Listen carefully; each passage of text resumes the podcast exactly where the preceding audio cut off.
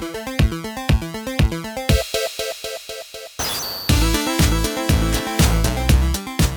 hører på Sannsynligvis viktig. I Sannsynligvis viktig i dag har jeg med meg Kjell Olav Malbum fra Infintum.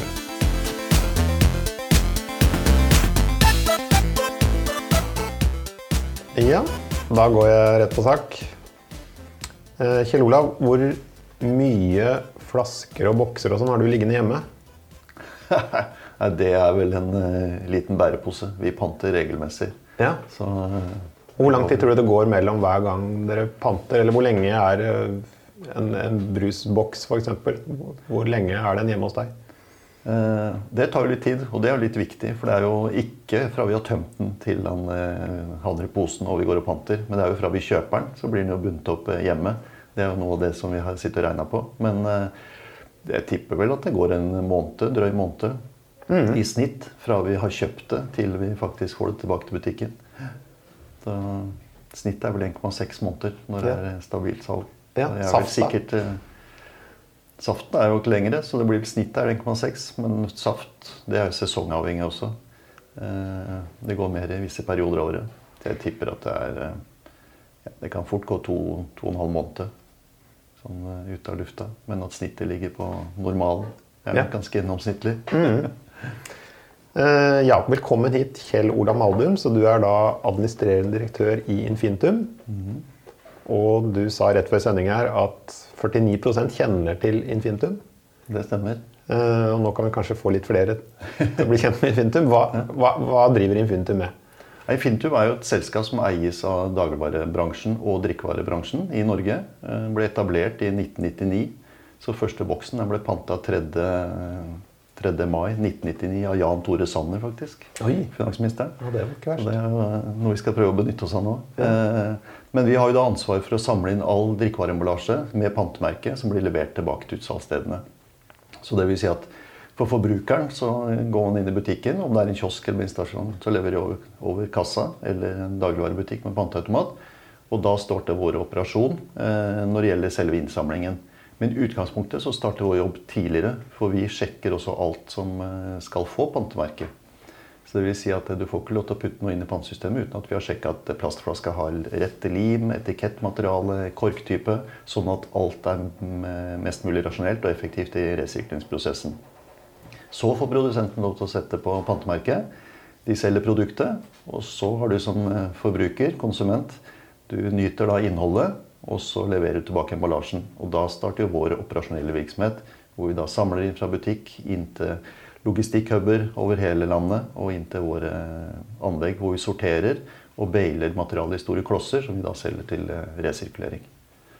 Det er svære greier. Jeg så i årsrapporten deres Jeg har jo sett litt på de tallene sånn i jobben min òg. Masse spennende tall. Ja, men der står det i hvert fall fem, eh, at uh, i 2019 så var det 598,6 millioner panta bokser og 556,6 millioner panta plastflasker. Ja. Det er jo helt enorme tall. Det er det, og det er jo da nesten 90% av alle flasker som ble solgt i 2019, samla vi de inn. Og der snakker vi pantegraden, dvs. Si at de fysisk blir putta inn i en panteautomat eller en industriell panteautomat, så de blir registrert på strekkode og shape. Så det dokumenterer vi da eksakt. Så vi teller jo alle de. Så det tallet du nevnte nå, det er jo da faktisk talte enheter på strekkodenivå.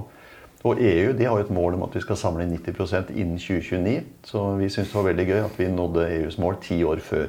Så det er vi veldig fornøyd med. Ja, det er godt å høre at EU har noe å lære av oss. Jeg tror de har mye å lære oss med en annen sak.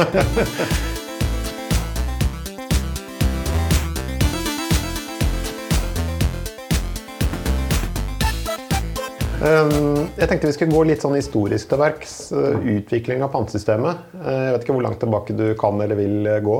Um, Det er jo et interessant spørsmål. Vi har jo veldig mange som kommer og besøker oss nå for å lære hvordan vi har etablert pantesystemet. Og det er jo, Utgangspunktet er at de fleste land i verden hadde pantesystem. I Norge så har vi i hvert fall dokumentasjon fra 1902 hvor man betalte da en pant for å få, som man fikk tilbake når man leverte flaska. Ja. Og grunnen til det at man hadde det den gang, det var jo at flaskene i seg sjøl var så dyre.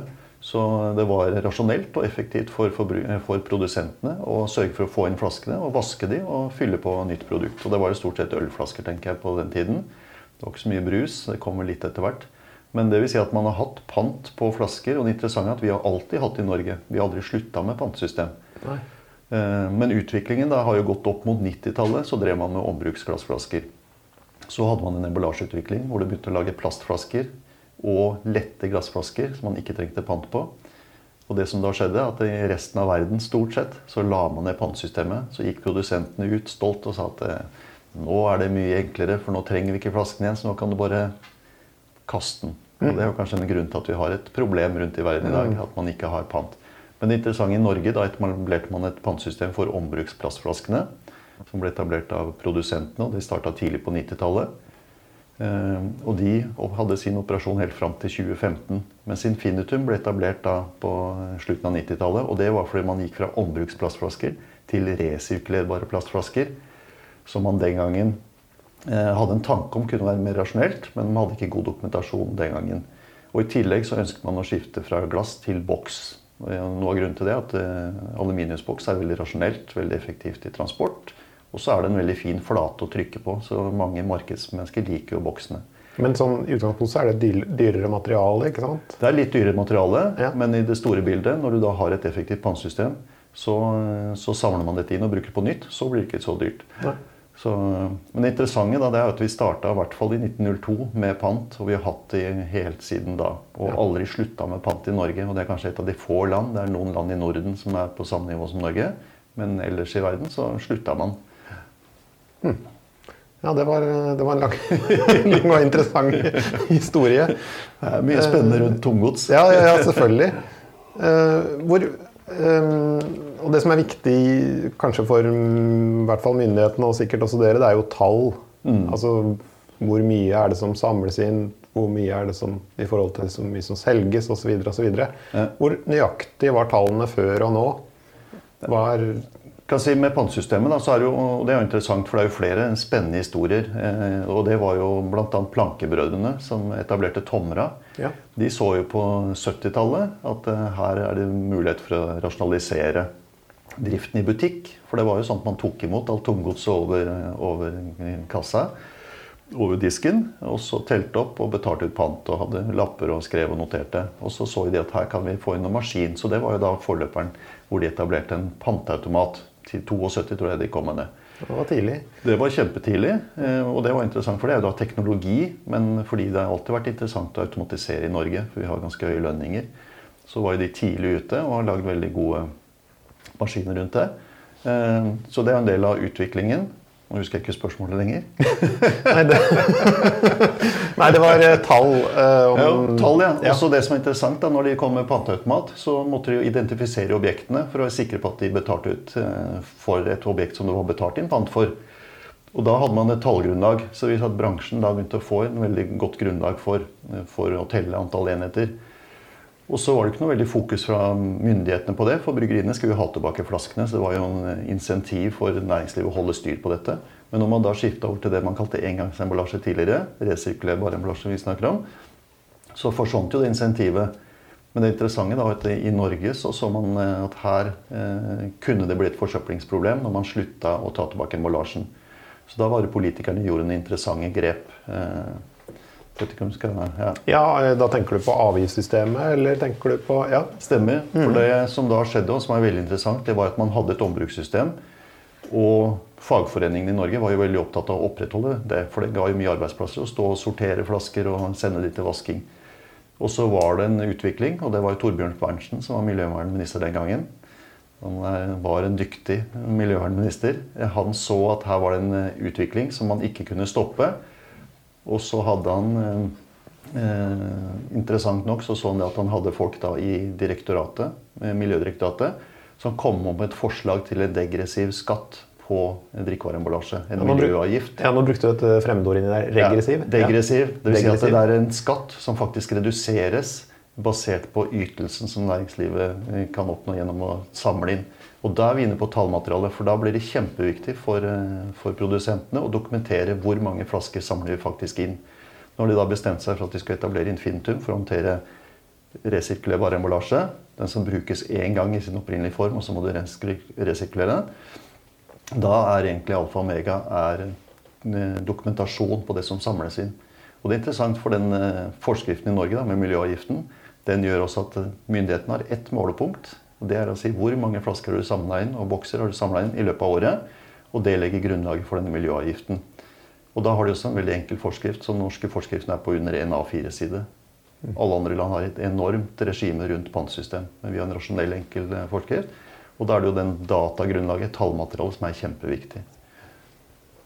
Og da er det eh, sånn at hvis du kommer over en viss eh, andel, så slipper du avgift, er det ikke sånn? Det stemmer. Så den, er jo, den reduseres lineært med økt eh, pantegrad, hvor mye som kommer inn gjennom panteautomaten, og som vi dokumenterer, samles inn. Er vi over 95% så blir avgiften null. Og det er interessant, for Da gir man næringslivet et insentiv og sier bare at her må du betale en kjempehøy avgift. Det er 3,50 kroner og 50 øre per flaske hvis du ikke samler inn eller har et innsamlingssystem. Og så blir det null eh, hvis du da samler inn over 95 Jeg må bare nevne det, men det vil si at du har en avgift på ca. 100 000 kroner per tonn plastmateriale som blir konvertert til plastflasker. Ja. EU snakker om at de skal innføre en plastavgift, og de snakker om 8000 kroner tonnet. Ja. Vi har en avgift da, som er på 100 000. Men det gir jo næringslivet et insentiv nettopp ved at den reduseres lineært, bare man har god dokumentasjon. Mm. Og vi er tilbake til at det alt er snakk om gode, godt tallmateriale og god dokumentasjon.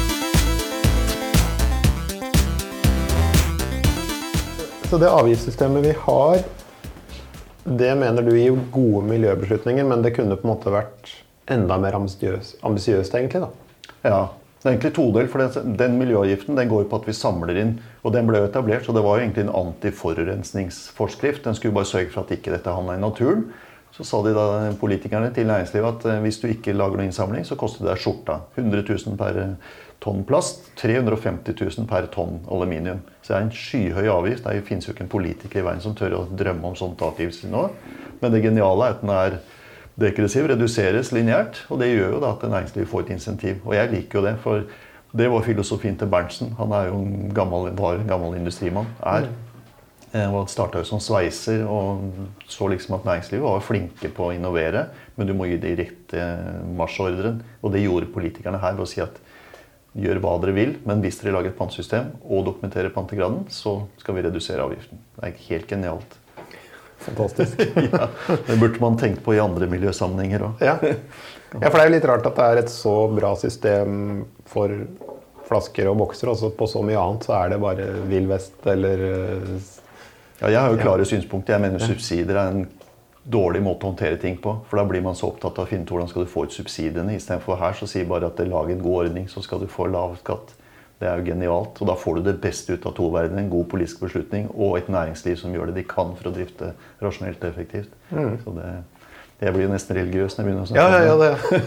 Det, det er, det er altfor mye ateisme om dagen. Um, bare litt tilbake til de 95 fordi La oss si at jeg kjøper masse julebrus da i desember. Og så drikker jeg det utover jula og kanskje har igjen litt i januar. Og så panter jeg det først i februar. Ja. Da får jo dere en sånn forskyvning. Ja. Eh, hvordan håndterer dere det? Nei, det var jo der vi tok kontakt med dere. Ja. For det som skjedde, det var jo at vi har hatt et par store paradigmeskifter. Og det første var at Infinitum ble etablert i 99. Og det var for at man ønska å gå fra ombruksflasker til resirkulerbare flasker og bokser. Og da så man det at det tok en to-tre år fra man begynte å selge, til man var oppe på en 85-80 pantegrad. Så vi vet at det er et verdikjedelager, men vi hadde ikke noe god data på det. Eh, og så vet jo alle som driver en business, så må du gjøre en vareopptelling ved årsskiftet. Og så må du bokføre hva du har på lager. Eh, det går inn i regnskapene. Og så hadde vi jo det neste paradigmeskiftet. Det var i 2012, når Coca-Cola bestemte seg at nå skal de skifte ut alle ombruksflaskene med gjenvinningsflasker. Og da så jo vi at regnskapsmessig pantegrad den datt fra 5-86% som det var den gangen, til 65 og Da var jo vår hypotese helt klar. Det er ikke sånn at folk plutselig slutter å, kaste, slutter å pante og begynner å kaste. Og Vi spurte jo til sågar forbrukeren hva de trodde om de nye flaskene. Og de sa at nei, det var en fin flaske, den er mer miljøvennlig, for det er litt mindre plast og en tynnere flaske. Så da tok vi kontakt med dere og sa at her har vi en effekt som vi er nødt til å se om vi kan gjøre beregning på for å dokumentere. Og det er jo da en verdikjedelager. Og det var jo to ting. Det ene er at eh, ved årsskiftet da, når vi rapporterte til myndighetene, så skulle vi lagt til grunn den effekten som var etter det skiftet. Så hadde vi jo havna langt ned på 70-80-tallet 70-tallet på dokumentert pantegrad. og det vil si at da måtte produsenten betalt 30% av miljøavgiften. Så det vil si at det hadde vært en regning på mange hundre millioner kroner. Og det er jo greit hvis man ikke klarer å levere, men vi visste at det var ikke det som var situasjonen. Her var det snakk om noen effekter i markedet som vi var nødt til å få dokumentasjon på. Så det var da vi tok møte med dere og så sa at hvordan kan vi da gjøre eh, beregninger. Eh, og det morsomme husker jeg, det var at vi hadde jo data fra 1999. For vi har jo da lagra alt. Så alle strekkoder som er skanna i panteautomaten fra 1999, fikk jo dere oversendt. Og så begynte dere å kna materialet. Og så har vi da utvikla en modell som er utrolig eh, virkningsfull og effektiv for oss. For vi klarer jo nå å se hvordan disse spesielt sesongvariasjonene slår ut. Så det, så det er jo noe av det som har vært veldig fruktbart, og som for oss er kjempeviktig. Eh, vi er jo veldig opptatt av at det vi skal jobbe med, alle beslutninger vi tar, de skal være faktabasert. For det er den eneste måten forover. Ja, nei, jeg kan jeg si, bekrefte en del av det du sier. uh, og, og eh, du snakka jo om baksida av medaljen. Hvis du ikke tar hensyn til denne forsinkelsen, så vil du rapportere en for lav pantegrad. Ja. Ja. Men eh, du kan også risikere det motsatte, at noen år seinere at du får en pantegrad som er over 100% f.eks. Ja, som jo er helt menneskeløst. Ja, det så, stemmer, og det, og det, ser vi jo. Det fins jo da, I Europa så er det jo land som rapporterer over 100% og vi sier Det er jo ikke mulig. Da er det feil med kalkulasjon. Men det verste er jo at man rapporterer det, og alle er fornøyd og sier at nå har vi vært flinke. Jeg blir jo helt oppgitt. Da, ja, og det er, jo, det er jo barneskolematte. Du skjønner det at, mm. når du kommer ut på en sånn kurs. Så det er jo kjempeviktig, og det har vi dokumentert overfor myndighetene. Og det vi syntes var spennende, var at når vi presenterte dette første gangen og hadde noen diskusjoner med Miljødirektoratet, så så de jo fort at dette var en fornuftig modell. Så de har akseptert eh, og legger dette til grunn i vår årlige rapportering. Mm.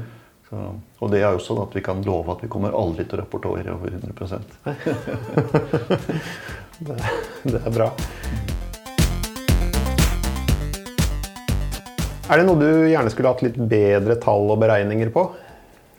Vi har jo flere spennende prosjekter. Det ene er jo at bransjen har jo lagt om til eh, Eller store deler av drikkevarebransjen kjører nå X-Works. Dvs. Si at dagligvarehandelen henter jo varene hos produsentene. Unntatt hos én stor produsent, som er Ringnes.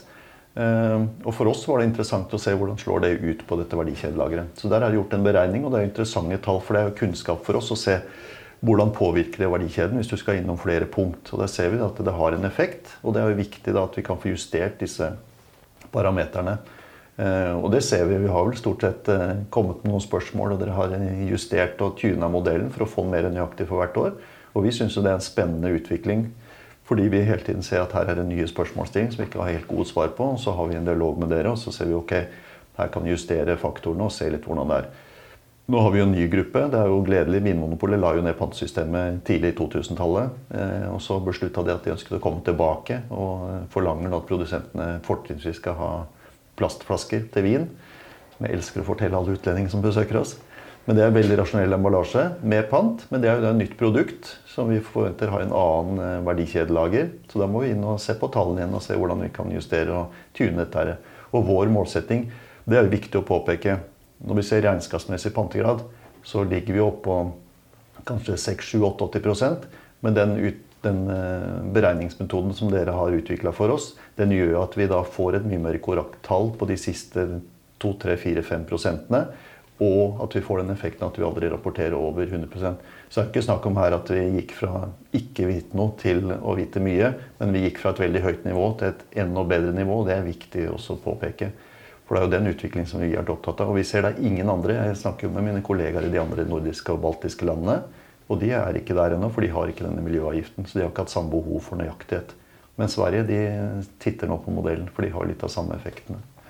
Ja, og bare si at det at dere har tall helt tilbake til 99 på produktnivå, det er helt fantastisk. Det er veldig bra. Og selv om ikke alle tall er helt perfekte, så er det veldig mye bedre enn mange andre alternativer jeg kan tenke meg. Ja.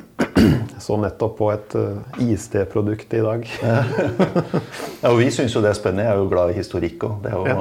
Man skal si, kan man sin historie, så kan man prøve å unngå nye feil. og Det er litt viktig. Og det at vi også vi har vært glad i å ta vare på statistikken og passe på at vi har det. Nettopp for at vi ønsker å bruke det i videreutviklingen. Så er det som du sier, det er også enorme regnskapsmessige mm. effekter her. da, altså verdien av en milliard flasker er jo to-tre milliarder, ikke sant? Ja. ja. Altså, det gir jo enorm effekt, så det er jo både økonomisk, men også miljømessig. For jeg mener det er viktig, sånn som jeg fortalte om når Coca-Cola skifta, så er det kjempeviktig å forklare at dette er ikke en katastrofe for miljøet. Det er faktisk bra for miljøet. Men akkurat i overgangen så skal vi da bytte ut det hjemmelageret med ombruksflasker. Og da er det viktig med den type dokumentasjon, at man kan fortelle den riktige historien. Så det er både miljø og økonomisk kjempeviktig. Ja, det er jo ideelt at det kommer samtidig. Eh, vi har jo hatt en pandemi siden mars. Ja. Eh, har dere hvordan har dere merka det? Var, I starten var vi litt spent. Eh, og Det første var at det var mye hamstring. Så Vi så jo da på salgstallene, men da så vi at modellen deres klarer å kompensere for noe av det. Det at man plutselig da kjøpte store mengder med drikkevare. Og spesielt var et skifte fra små flasker som selges på bensinstasjonskiosker, til store. Men så så det greit ut. Men så begynte det å skje noe spennende, og det var eh, i mai. Hvor vi da så at nå begynte pantegraden å øke voldsomt. Og vi ligger på 90% ved årsskiftet. Og plutselig så var vi oppe i 92-93 eh, Og det er en kraftig økning når du ligger på så høyt nivå. Og da ser vi det at eh, eh svenskesalget, det som blir privatimportert fra Sverige, og taxfree, når det ble stengt, så øker jo verdien av det som eh, ligger i panteposen. Så vi ser fram forskjellen fra eh, august 2019 til august 2020 på bokser da har vi økt salget med 106 millioner enheter. Det er en kraftig 27% økning. Det er en formidabel økning når du er på et sånt nivå. Men det viser jo at folk har kanskje tilsvarende konsum. Litt lavere, men ikke, de har ikke kutta ut helt. Men de kjøper da norskt, og så får vi dette inn igjen. Og da har modellen deres vært veldig viktig for oss, nettopp for å få den tryggheten på at eh, de tallene som nå kommer, mm. de stemmer, eh, og vi er på riktig nivå. Men eh, effekten helt klart er at eh, nå kjøpes det mer i norske butikker. Alt har pant. Så det vil si at verdien på den posen den gjør at nå tar du med deg mer tilbake til butikken. Så miljømessig er det veldig positivt. Så, så du vil helst ha stengte grenser? ja. Det er, det mange i dagligvarebransjen som fleiper om stengte grenser. Jeg så Vinmonopolet. De har jo økt eh, skatteinnbetaling med 2,6 milliarder pga. avgiftene. Da, for nå kjøper man mye mer på polet. Mm. Men det er jo ingen av oss som ønsker den situasjonen. Den er tung. Og vi ser jo det at eh, Og vi har klart å holde driften eh, hele tiden. Men vi føler at det er litt risk innimellom. For jo, vi har jo mange som jobber i produksjon. Så det er jo sårbart. Så det er ingen som ønsker dette. Men det tror jeg det kommer til å bli mye interessante forskningsprosjekter i, både under og etter denne. For det er mange endringer på forbruksmønster og sånt nå, som er interessante og som er verdifulle. Så for oss er det nyttig kunnskap, for vi ser jo at det er faktisk mulig å nå høyt høyere pantegrad. Så hvordan kan vi da ta med den positive erfaringen videre når ting normaliserer seg? Så vi er jo veldig opptatt av det nå. Mm.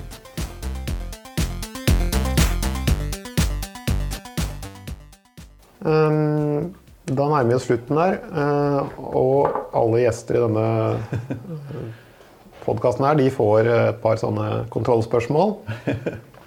Så nå vil jeg at du skal tenke tilbake til studiene, og det er jo ikke lenge siden det. Det er nesten som det var i går, sikkert. Mine egne studier? Dine egne studier, ja. ja. Og tenke på hva er, du, hva er, det du, husker, eller hva er det du tar med deg fra studiene i dag? Og det trenger ikke å være akkurat et fag eller en, en professor eller et eller annet sånt, men Nei. er det noe du tenker tilbake på som du har nytte og glede av i dag? Jeg har én historie. da. Jeg er jo egentlig utdanna bilmekaniker.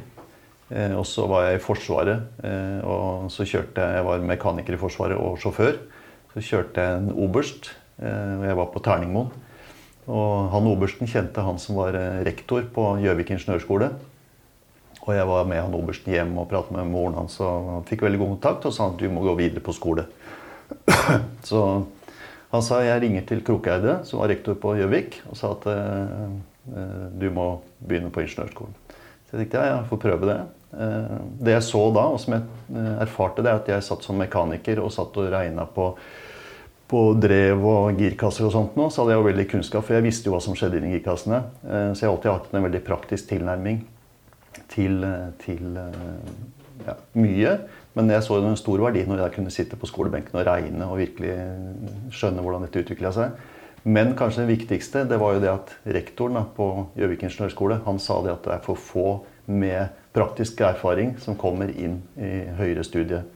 Og det tror jeg fortsatt er en utfordring. Så det var kanskje noe jeg satte pris på. At jeg hadde en kar som så det at det var en merverdi at du hadde en praktisk bakgrunn. Og det ser jeg også i dag. Eh, måten vi jobber på i Infinitum, er at vi er veldig opptatt av fakta. Hvordan vi opererer eh, praktisk. Og at vi kan knytte oss til fagmiljø sånn som dere er, nettopp for å se hvordan vi kan gjøre utredninger, beregninger, og få liksom dette til å henge sammen og se helheten. Så kombinere alle disse fagområdene. Det tror jeg er kjempeviktig, og det er kanskje det viktigste jeg har med fra studietiden og de jeg har møtt opp igjennom. Og det med det Jeg støtter alt du sier. Det er bra. Det er vi to i hvert fall. men Selv om ikke jeg har like praktisk bakgrunn. Men eh, det, det, det problemet, eller hvis det er vi er enige om at det er en utfordring, det må jo være større i dag enn det var før. Altså Det er jo enda færre i dag som har en praktisk bakgrunn. Ja da, og vi ser jo det, for vi har jo en fabrikk hvor det er en eh, praktisk, det er en industrivirksomhet. Eh, Og det er to ting. Det ene er at alle filmfotografer som kommer dit, elsker å filme, for det er nesten ikke noen fabrikker igjen. Og så har vi mange ansatte som trives veldig godt med å jobbe med det praktiske. Og jeg tror det er viktig at vi har et godt fundament med praktikere. Og vi ser jo det. Vi mangler jo snekkere og bilmekanikere og håndverkere generelt. Og det er ikke bra. Vi er nødt til å kunne det. Og jeg husker jeg hadde, det var på NRK. Det er han som utviklet Dyson støvsuger, en engelskmann. Han sa det i gamle dager så gikk han bort på hjørnet, for der hadde de eh, mekaniske verksted og fikk fiksa og ordna ting.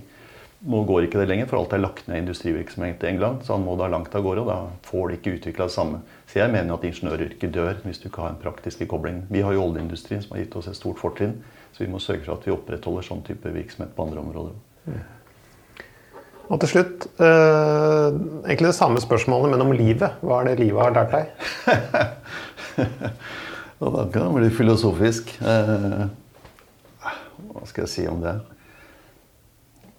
For egen del så har jeg setter jeg veldig stor pris på min egen oppvekst. Eh, nettopp fordi det var mye praktisk eh, kobling til det å vokse opp. Jeg ser jo i dag, ikke sant, når jeg vokste opp, så var det jo kilowattimeteller på kjøkkenet. Så vi drev og skrudde av eh, vaskemaskin når du skulle lage middag og sånt, og passa på at du ikke satte på alt av elektriske apparater samtidig. Og jeg synes jo, så Når vi snakker om sirkulær økonomi i dag, det er ikke noe nytt. Det var jo naturlig når vi går 40-50 år tilbake i tid. Så Nødvendig, kanskje? det var nødvendig, Ja. eh, men det er jo like nødvendig i dag. Men vi ser det ikke på samme måte. Vi har liksom distansert oss fra ressursbruken. Så vi er jo veldig opptatt av det når vi snakker om sirkulærøkonomi, at det, den må være ressurseffektiv. Nå er det altfor mye snakk om bare du slutter sirkelen, så er det sirkulært. Men det hjelper jo ikke den hvis vi ikke er ressurseffektive. Så for min egen del tenker jeg med livet så har jeg alltid vært opptatt av at vi skal bruke ting på en forsvarlig og fornuftig måte. Og det henger nok sammen med jeg har oppvekst med besteforeldre og, og, og det at ting var rasjonelt begrunna tidligere. Vi må tilbake til rasjonelle, fornuftige beslutninger. Det syns jeg var en fin eh, konklusjon. Takk for at du kom til oss, Kjell Olav. Takk for at jeg fikk lov til å være her, og takk for en hyggelig prat. Dette er en podkast fra Norsk Regnsentral.